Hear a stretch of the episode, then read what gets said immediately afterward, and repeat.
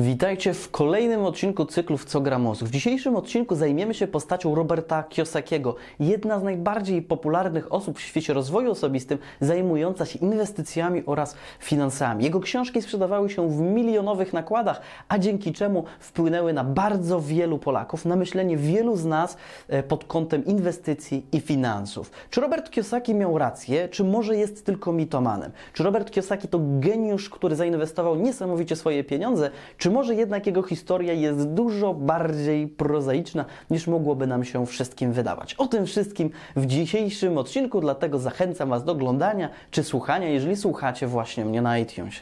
Robert Kiyosaki to bardzo specyficzna postać. Próbował bardzo wielu rzeczy w swoim życiu. Był pilotem, zakładał biznesy, uczył się inwestowania, pracował dla różnych koncernów międzynarodowych, więc zrobił w życiu naprawdę wiele, o czym opowiada w swoich książkach. Jednak o tym, o czym nie opowiada w swoich książkach, jest Money and You, czyli takiej platformowej sieci szkoleniowej na temat tego, jak masz wydawać pieniądze, czyli tam nauczył się tego, jak przemawiać, nauczył się podstawowych takich właśnie finansowych y, konceptów, które potem opowiadał innym. I to nie byłoby w tym nic złego, gdyby nie było w tym Money and You platform sellingu. Na czym polega w ogóle platform selling? Bo jest on obecny nawet w naszym kraju, przed czym powinniście się przestrzec albo zatrzymać na chwilę, kiedy coś takiego się pojawia. Jak wygląda platform selling?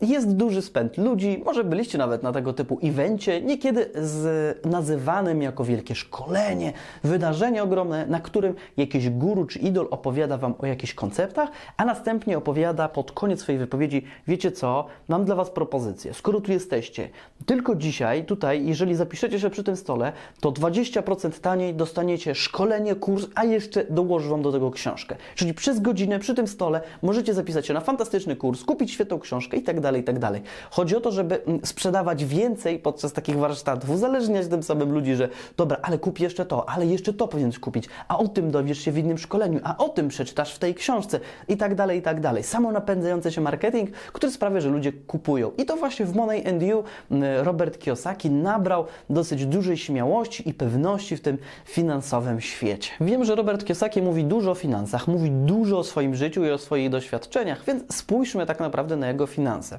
Robert Kiyosaki jest autorem od początku lat 90. To wtedy zaczął publikować pierwsze książki, które przechodziły bez większego echa, a wydawcy nie inwestowali większych pieniędzy w reklamę tego typu pozycji. Do czasu, kiedy wraz z Billem Gavinem, jednym z wyższych takich sprzedawców, przedstawicieli firmy Emway, zaczęli propagować te książki w swoich strukturach. Wtedy książki Roberta Kiyosakiego zaczęły się rzeczywiście sprzedawać i dzięki czemu Robert Kiyosaki mógł wynegocjować lepsze warunki ze swoim wydawcą marketingowe i tu właśnie rozpoczął się sukces Roberta Kiyosakiego. W skrócie można powiedzieć, że to właśnie MLM dał Robertowi Kiyosakiemu taki sukces wydawniczy. Nie wiem, czy wy od lat śledzicie Roberta Kiyosakiego. Ja jego pierwszą książkę miałem już ładnych, ładnych parę lat, parę może nawet naście lat temu w swoich rękach i rzeczywiście biedny i bogaty ojciec była ciekawą historią, która przypadła mi do gustu. Ale jak zobaczycie okładki starą, bogaty, biedny ojciec i nową obecną, to jest tutaj troszeczkę różnic. Poza tym, że wyglądają graficznie inaczej, to również ilość autorów jest inna. Dzisiaj jest tylko Robert Kiyosaki, a wtedy był Robert i Sharon Lecter. Dlaczego już jej nie ma? W 2007 roku Sharon Lecter pozwała Roberta Kiyosakiego i jego żonę, mm, oskarżając ich o marnotrawienie majątku firmy, który wspólnie e, wygenerowali, bo Sharon, poza tym, że była współautorką książki Biedny i Bogaty Ojciec, to również wspomagała tworzenie tej całej instytucji, która miała zajmować się taką edukacją finansową, edukacją biznesową e, na całym, na całym świecie. Cały proces doprowadził do ugody, którą zawarli. E, Robert Kiyosaki wypłacił nieujawnioną ilość pieniędzy Sharon, ale aby to zrobić, musiał wszystkie sprzedać swoje udziały w firmie Rich Dad Company, żeby tego dokona. To też oczywiście daje do myślenia, że współpracownica jednego z większych guru finansów i inwestycji oskarża ich o marnowanie środków pieniężnych. Czy to chodzi może o ryzykowne inwestycje, a może chodzi o po prostu wydatki na bieżące życie? Niestety nie mamy szczegółów na ten temat. Robert Kiyosaki był wielokrotnie pytany o swój majątek. On w wielu programach różnie wycenia e, swoją wartość między 50 a 100 milionów dolarów, w zależności od tego, jaki ma dzień. Nie wiemy dlaczego czasem wycenia się inaczej. Mówi, że jest udziałowcem wielu spółek ogromnych, naftowych, przeróżnych, które mógłby mieć. Kiedy jest pytany o szczegóły tych spółek, co to są za spółki, w co inwestował, to Robert odpowiada, że on nie chce mówić o swoim majątku, żeby ludzie się nie dowiedzieli, ile on ma pieniędzy, bo mógłby być szantażowany i mógłby być pozywany w przeróżnych sądach. I nie trudno zauważyć tu pewną sprzeczność. Z jednej strony Robert Kiyosaki mm, pozycjonuje się na rynku jako ekspert od inwestycji i pieniędzy, więc trudno wyobrazić sobie, żeby ktoś nie, nie wyobraził sobie go jako człowieka majątnego. Jeżeli e, będziemy pozycjonować jako ktoś, kto doradza o pieniądzach, to znaczy, że je ma, że zna się na nich, prawda? No i właśnie o to chodzi. Robert Kiyosaki z jednej strony pozycjonuje się we wszystkich czasopismach, gazetach, książkach i wykładach jako ekspert, czyli ktoś, kto ma i zna się na tym, a z drugiej strony nie chce ujawnić, e, w jakich spółkach inwestuje, żeby przypadkiem go nie pozwano, bo wyobrażał sobie, ile ma pieniędzy. Tu właśnie mamy wręcz odwrotną sytuację, bo na przykład taki sąd, który oskarży o coś na przykład Roberta Kiosakiego, może przeszacować jego majątek, ponieważ jego wizerunek i to wszystko, co z nim związane, może zostać przeszacowane, za tym może być nałożona na przykład większa kara, mm, czy jakaś większa nawiązka w stosunku do kogoś, kto chciałby go pozywać. Więc tutaj sytuacja może być dokładnie odwrotna. Dlatego powstaje pytanie, dlaczego w takim razie Robert Kiyosaki boi się ujawnić tego, w jakich spółkach inwestuje. Oczywiście powodów może być całkiem sporo. Poza tym, że te spółki mogą być bardzo niewielkie i może nie ma się czym chwalić, a z drugiej strony może są to wątpliwe inwestycje. Oczywiście nie wiemy w tym momencie, jakie są motywacje tego, że Robert Kiyosaki boi się ujawniać, skąd ma te pieniądze, ale to też pewnie pokazuje Wam, że na naszym rynku jest sporo takich osób, które pozycjonują się na bardzo bogatych, ale z drugiej strony, o nie powiemy Ci ja w co inwestuję i co robię, żebyś przypadkiem sobie czegoś nie pomyślał albo, albo czegoś nie zrobił. Robert Kiyosaki już w wielu miejscach został przyłapany na tym, że mija się z prawdą. I skupmy się na kilku takich elementów, które mogą być pudrowaniem rzeczywistości albo odrobinę mijaniem się z rzeczywistością. Zacznijmy od biednego ojca. Biedny ojciec w książce Biedny Bogaty Ojciec jest antybohaterem, który ma być pokazany jako przeciwieństwie człowieka, który odnosi sukces. Robert Kiyosaki wybrał swojego własnego ojca jako antybohatera, którego stawia jako postać, z której nie warto brać przykładu pokazuje, że edukacja, z którą ojciec Roberta był związany, tak naprawdę niczego nie uczy w kontekście inwestowania czy przyszłych pieniędzy. Ale musicie wiedzieć, że mm, ojciec Roberta Kiosakiego uzyskał doktorat na Stanfordzie i został kierownikiem Departamentu Edukacji na Hawajach. No i był oczywiście właścicielem dosyć sporego domu, w którym mieszkali wraz z całą rodziną. Jeżeli to nie jest sukces albo jest sukces za mały, no to ja trochę jestem zdziwiony w takim razie, czego ludzie chcą, bo dla mnie uważam, że ten człowiek odniósł ogromny sukces, a z drugiej strony został postawiony jako postać negatywna w 1996 roku, kiedy wy została wydana książka Biedny i Bogaty bogaty ojciec. Ale jest jeszcze ciekawa historia, o której musicie wiedzieć. W 1992 roku Robert Kiyosaki wydał książkę, w którym opowiadał o swoim ojcu jako boh, superbohaterze w superlatywach. Czyli cztery lata wystarczyły, żeby Robert Kiyosaki ze swojego ojca, którego stawiał na piedestał jako człowieka, z którego warto brać przykład, na człowieka, z którego zupełnie nie warto brać przykładów. Kolejną kontrowersję wzbudzają inwestycje w nieruchomości Roberta Kiyosakiego. On w swoich książkach często i dużo opowiada o przeróżnych inwestycjach w mieszkania, w biura itd. Ale czy Robert Kiyosaki kiedykolwiek inwestował w nieruchomości? Jak się okazuje, okazuje, jedyną zawartą transakcją odnośnie nieruchomości na nazwisko Kiyosaki dokonała jego żona, gdy kupowała mieszkania w Phoenix. Nie ma żadnego innego udokumentowanego przykładu, gdzie Robert Kiyosaki inwestowałby w nieruchomości. Robert Kiyosaki nigdy nie podał żadnego mm, przykładu konkretnej nieruchomości, w którą zainwestował i w której zarobił. Nie wiemy również, czy inwestycja, która poczyniła jego żona, e, nieruchomości w Phoenix, ona rzeczywiście miała tak spektakularny rozmiar, bo oczywiście musieli moglibyśmy porównać, jak wyglądały inne nieruchomości w okolicy Phoenix, by ocenić, czy ich rzeczywiście zwrot z inwestycji był wyższy niż ludzi, którzy zupełnie nie, nie interesowali się inwestowaniem w nieruchomość. Ciekawym programem, na który również warto zwrócić uwagę, jest ABC 20 na 20. Robert Kiyosaki w tym programie uczy ludzi, w jaki sposób inwestować, podchodzić do pieniędzy, w jaki sposób podejść w ogóle do tego całego procesu bycia przedsiębiorcą. I tam zrobiono taką małą zabawę, konkurs, wzięto trzy osoby, którym dano po 1000 dolarów.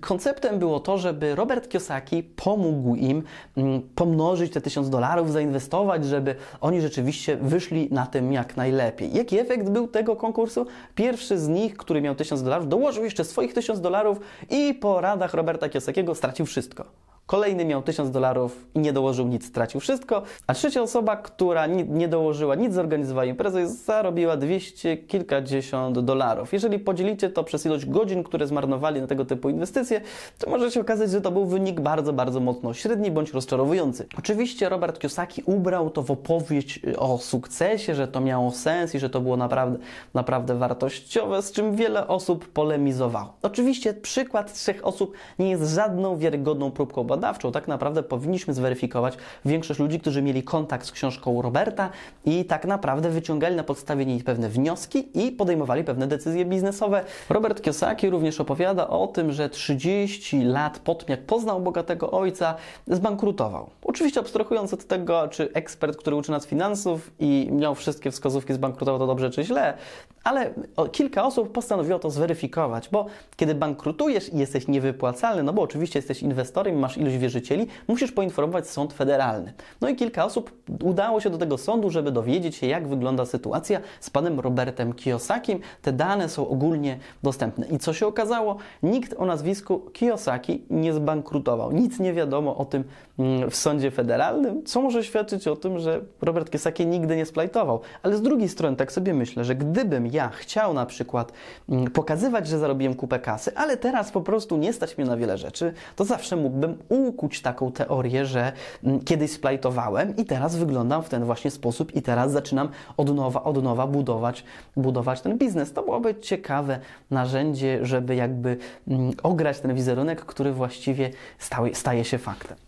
W swojej książce również opowiada historię o tym, jak był pilotem śmigłowca, czasem opowiada również, że był pilotem myśliwca, mm, opowiada o tym, że zdezerterował, że kiedy jego lotniskowiec miał lecieć na jakąś misję, on już nie chciał więcej zabijać ludzi i po prostu nie wrócił na swój lotniskowiec. Jak się okazuje, ludzie związani z wojskowością również dodali dokumentów, bo postanowili zweryfikować, czy Robert Kiyosaki jest dezerterem. W jego papierach nie ma żadnej o tym wzmianki. A jak wiecie, taka dezercja wiązałaby się szczególnie, jeżeli przypomnicie się, co działo się w Wietnamie, jakie były nastroje pacyfistyczne w Ameryce, takie dezercje były traktowane bardzo, bardzo poważnie. To nie obyłoby się bez żadnego procesu. Robert Kiyosaki jednak nigdy żadnego procesu w oparciu o swoje zachowanie wojskowe mm, nie zdobył, wręcz przeciwnie, był odznaczony wielokrotnie, e, a co za tym idzie, uczelnia, w której się właśnie uczył, chwaliła się nim jako interesującym właśnie takim efektem ich edukacji. Czy człowiek, który zdezerterował z armii, byłby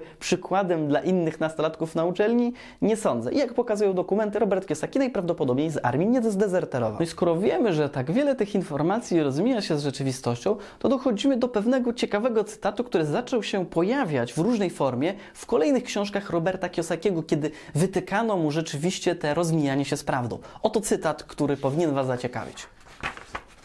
Chociaż oparta na prawdziwej historii, pewne wydarzenia w tej książce zostały sfabularyzowane pod względem treści edukacyjnych i wpływu. Czyli tutaj staramy się tłumaczyć kłamstwo czy wymyślone historie tym, że mm, Robert Kiyosaki starał się je ubrać ciekawiej, żeby były ciekawym materiałem edukacyjnym. jakby okej, okay, nie, nie ma problemu. U wiele książek tak naprawdę to jest, są jakieś historie wymyślone, żeby nas czegoś nauczyć. Nie ma w tym nic złego, że próbujemy wymyślać ciekawsze historie, żeby interesowały inne osoby. Ale czy my musimy stawiać się w środku jakiejś historii, pokazywać, jacy to jesteśmy wspaniali, a potem tłumaczyć się, że to było w celu tego, żeby nas czegoś nauczyć? Bo ja nie widziałbym żadnego problemu, żeby Robert napisał, opowiem Wam pewną historię. Był sobie Adam i on zdezerterował z lotniskowca i odniósł sukces w biznesie, bo zrozumiał to i to. No i co? No, mamy jakiegoś Adama, jest to fikcyjna historia, która ma czegoś nas nauczyć. Nie ma z tym żadnego problemu. Ale jeżeli my stawiamy się w centrum tej uwagi, to to po prostu jest pompowanie własnego ego. Jeżeli my od początku nie mówimy, że to są pewne takie, wiecie, fabularyzowane historie, które e, są swojego rodzaju taką metaforą, tylko stawiamy je jako poradnik e, faktycznych rzeczy, które się stały, no to rzeczywiście mamy problem. Bo nie mam problemu z poradnikami, które mówią o pewnych historiach, które gdzieś tam się wydarzyły w odległym miejscu, czy wyimaginowanych osób, sposób, bo oczywiście takie historie mogą sprzedawać. Storytelling może być interesującym narzędziem, które może nam pomagać, ale nie w momencie, kiedy wykłamiemy na swój własny temat. No to jest trochę mało spójne. Pytanie i warto sobie odpowiedzieć na nie, czy ktoś, kto kłamie na swój własny temat i dopiero później opowiada o tym, że słuchajcie, to była trochę sfabularyzowany eksperyment, żeby sprawdzić, jak wy będziecie, jak będziecie działać. Ja już taki nie jestem, to było kiedyś, to była tylko fabuła. Czy z kimś takim warto współpracować albo od kogoś takiego warto się uczyć?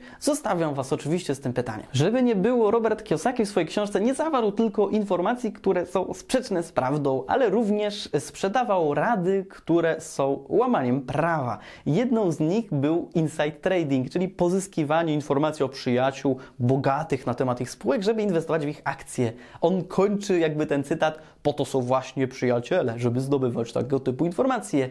No i nawet amator inwestycji, bo może nie zajmujecie się inwestycjami na co dzień, nie inwestujecie na giełdzie, nie inwestujecie w papiery wartościowe, to musicie wiedzieć, że to jest błąd absolutnie amatora. Za coś takiego idzie się siedzieć. Jeżeli wyciąga się informacje ze spółki, a następnie inwestuje się na giełdzie, no to jest to jeden z większych problemów i błędów, które można popełnić. Oczywiście jest ileś sposobów, którzy biznesmeni starają się ukryć te powiązanie i kupować akcje na kogoś innego, ale wiecie, że jest mnóstwo przykładów osób, które właśnie w ten sposób poszły siedzieć, więc jest to jedna z tych rad, które może wpędzić Was do więzienia, ale nie jedyna, bo również Robert Kiyosaki radzi, aby takie rzeczy jak wycieczki, zegarki, wypoczynek wpisywać w koszty działalności, w koszty Waszych firm, żeby zmniejszać opodatkowanie. Każdy, kto ma działalność gospodarczą, wie, że podatki stanowią duży procent od dochodów i chcielibyśmy, żeby były jak najniższe. Dlatego wpisuje się różne rzeczy w koszta, które są związane z przychodem, żeby obniżyć to opodatkowanie. Ale wpisywanie takich rzeczy jak zegarek czy wakacje jest no, bardziej niż głupie. E, I tłumaczę wszystkim, którzy nigdy działalności gospodarczej nie mieli. Urząd Skarbowy będzie u Was w ciągu dwóch tygodni po wpisaniu czegoś takiego w Wasze zeznanie podatkowe, że to wpadło Wam w koszta. Dlaczego? Bo Urząd Skarbowy zada Wam jedno proste pytanie. Jak ten zegarek czy ta wycieczka przyczyniła się do tego, że masz dzisiaj e, więcej środków i więcej pieniędzy. Jeżeli nie będziesz potrafił, potrafiła sensownie się z tego wytłumaczyć, a czasem nawet sensowne wypowiedzi są odrzucane z góry przez Urząd Skarbowy, no to zapłacisz taką karę, że prawdopodobnie będziesz musiała i będziesz musiał zamknąć firmę i jeszcze się zapożyczyć, żeby ją właściwie spłacić. Więc to jest kolejny błąd taki amatora, który jakby nie miał nigdy działalności gospodarczej. Szczególnie jeżeli wie, że dzisiaj jest coś takiego jak jednolity plik kontrolny i Urząd Skarbowy wie, naprawdę błyskawicznie, od czego odliczasz podatki, a co wliczasz sobie w koszty, to naprawdę byłoby to samobójstwem słuchanie się tego typu rad. Już wiemy, że Kiyosaki mija się z prawdą, no i czasem bardzo szkodliwe rady potrafi przekazywać do swoich czytelników, do swoich widzów, a czasami do uczestników szkoleń, bo szkolenia również stanowią Roberta bardzo ważny element jego biznesu. Co nie zmienia faktu, że Robert Kiyosaki niesamowicie szybko zmienia swoje zdanie. I z prędkością kilku stron, wiecie, potrafi napisać jedno, a potem coś zupełnie sprzecznego. I jest kilka takich przykładów, które dzisiaj dla Was wybrałem, żeby Wam pokazać, jak ta książka jest sprzecznie napisana w bardzo, bardzo wielu elementach. Pierwszym z tych przykładów jest to, żeby spłacać dłużników na samym końcu, najpierw wypłacać sobie dywidendę, a dopiero potem spłacać innych. No to Biznesowo ja wiem, że wielu przedsiębiorców tak robi i potem właśnie są te przedawnione faktury i trzeba korzystać z faktoringu. Ale co pisze na kolejnych stronach, że on ma bardzo dobrą zdolność kredytową, bo ona może się przydać do inwestowania w późniejszym czasie.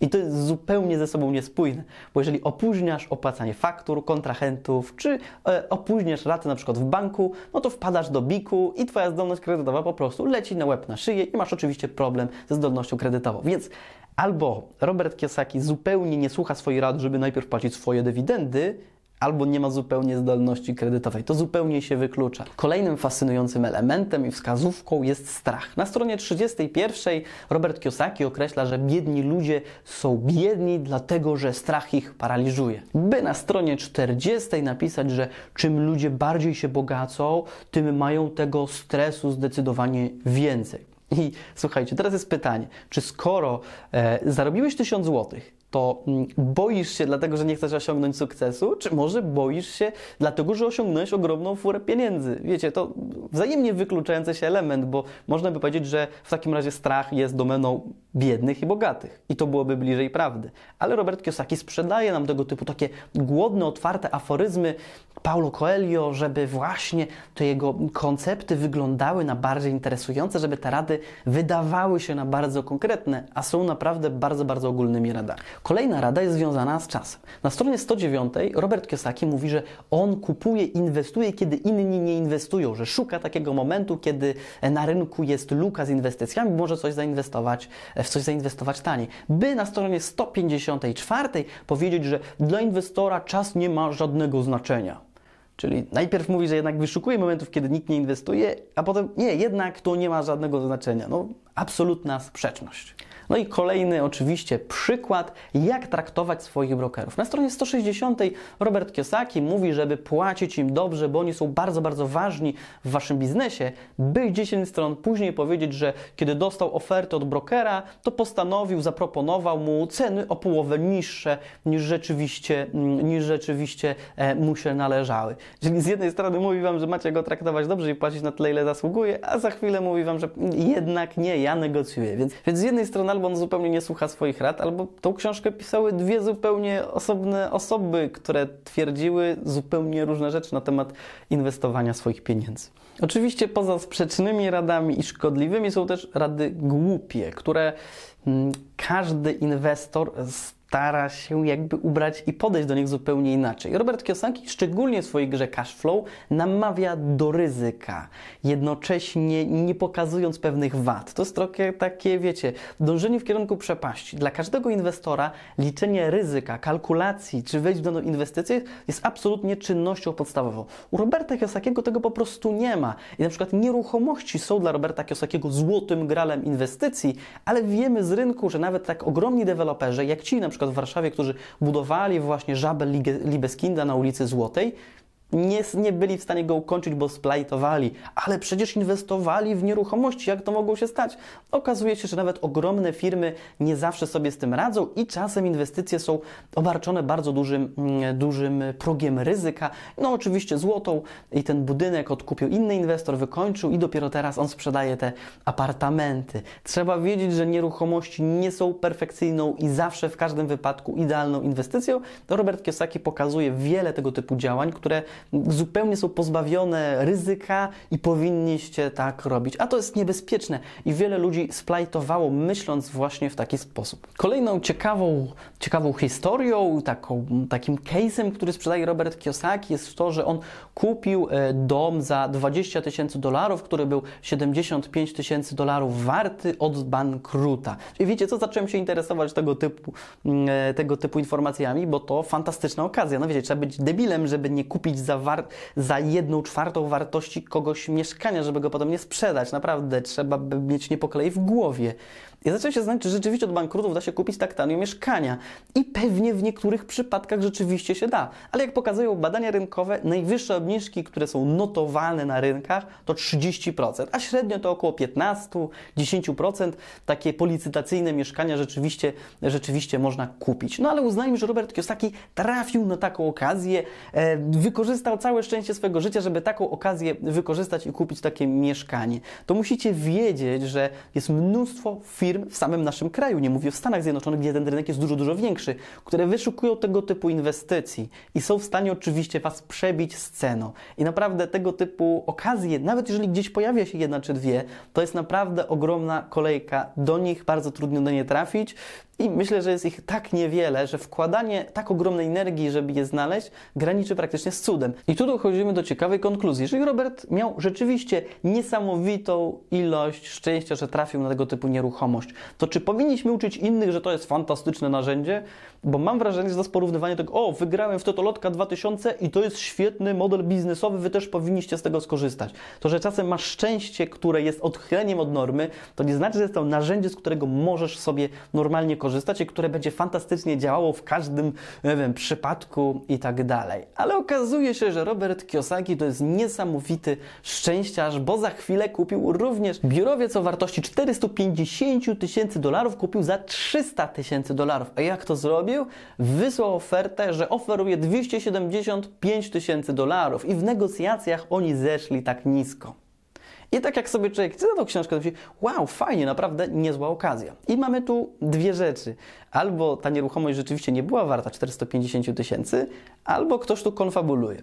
Bo oczywiście Robert Kiesaki nigdy nie przyznał się, jaka to nieruchomość i gdzie ona była. Nie mamy pojęcia, czy ona istniała. Czy to kolejna taka fabularyzowana historia. Bo mam prosty przykład. Nie wiem, czy jesteście przed, może w trakcie, a może już macie to za sobą, czyli kupowanie własnego mieszkania. Wyobraźcie sobie dewelopera, 450 tysięcy mieszkań w Warszawie. Kosztują, to nic dziwnego, takie są stawki. Żyjcie do takiego dewelopera i mówicie mu, że kupicie za 275 tysięcy mieszkanie, które jest warte 425 tysięcy. Wiecie, co taki deweloper powie? Tu są ceny cennikowe, a tam są drzwi.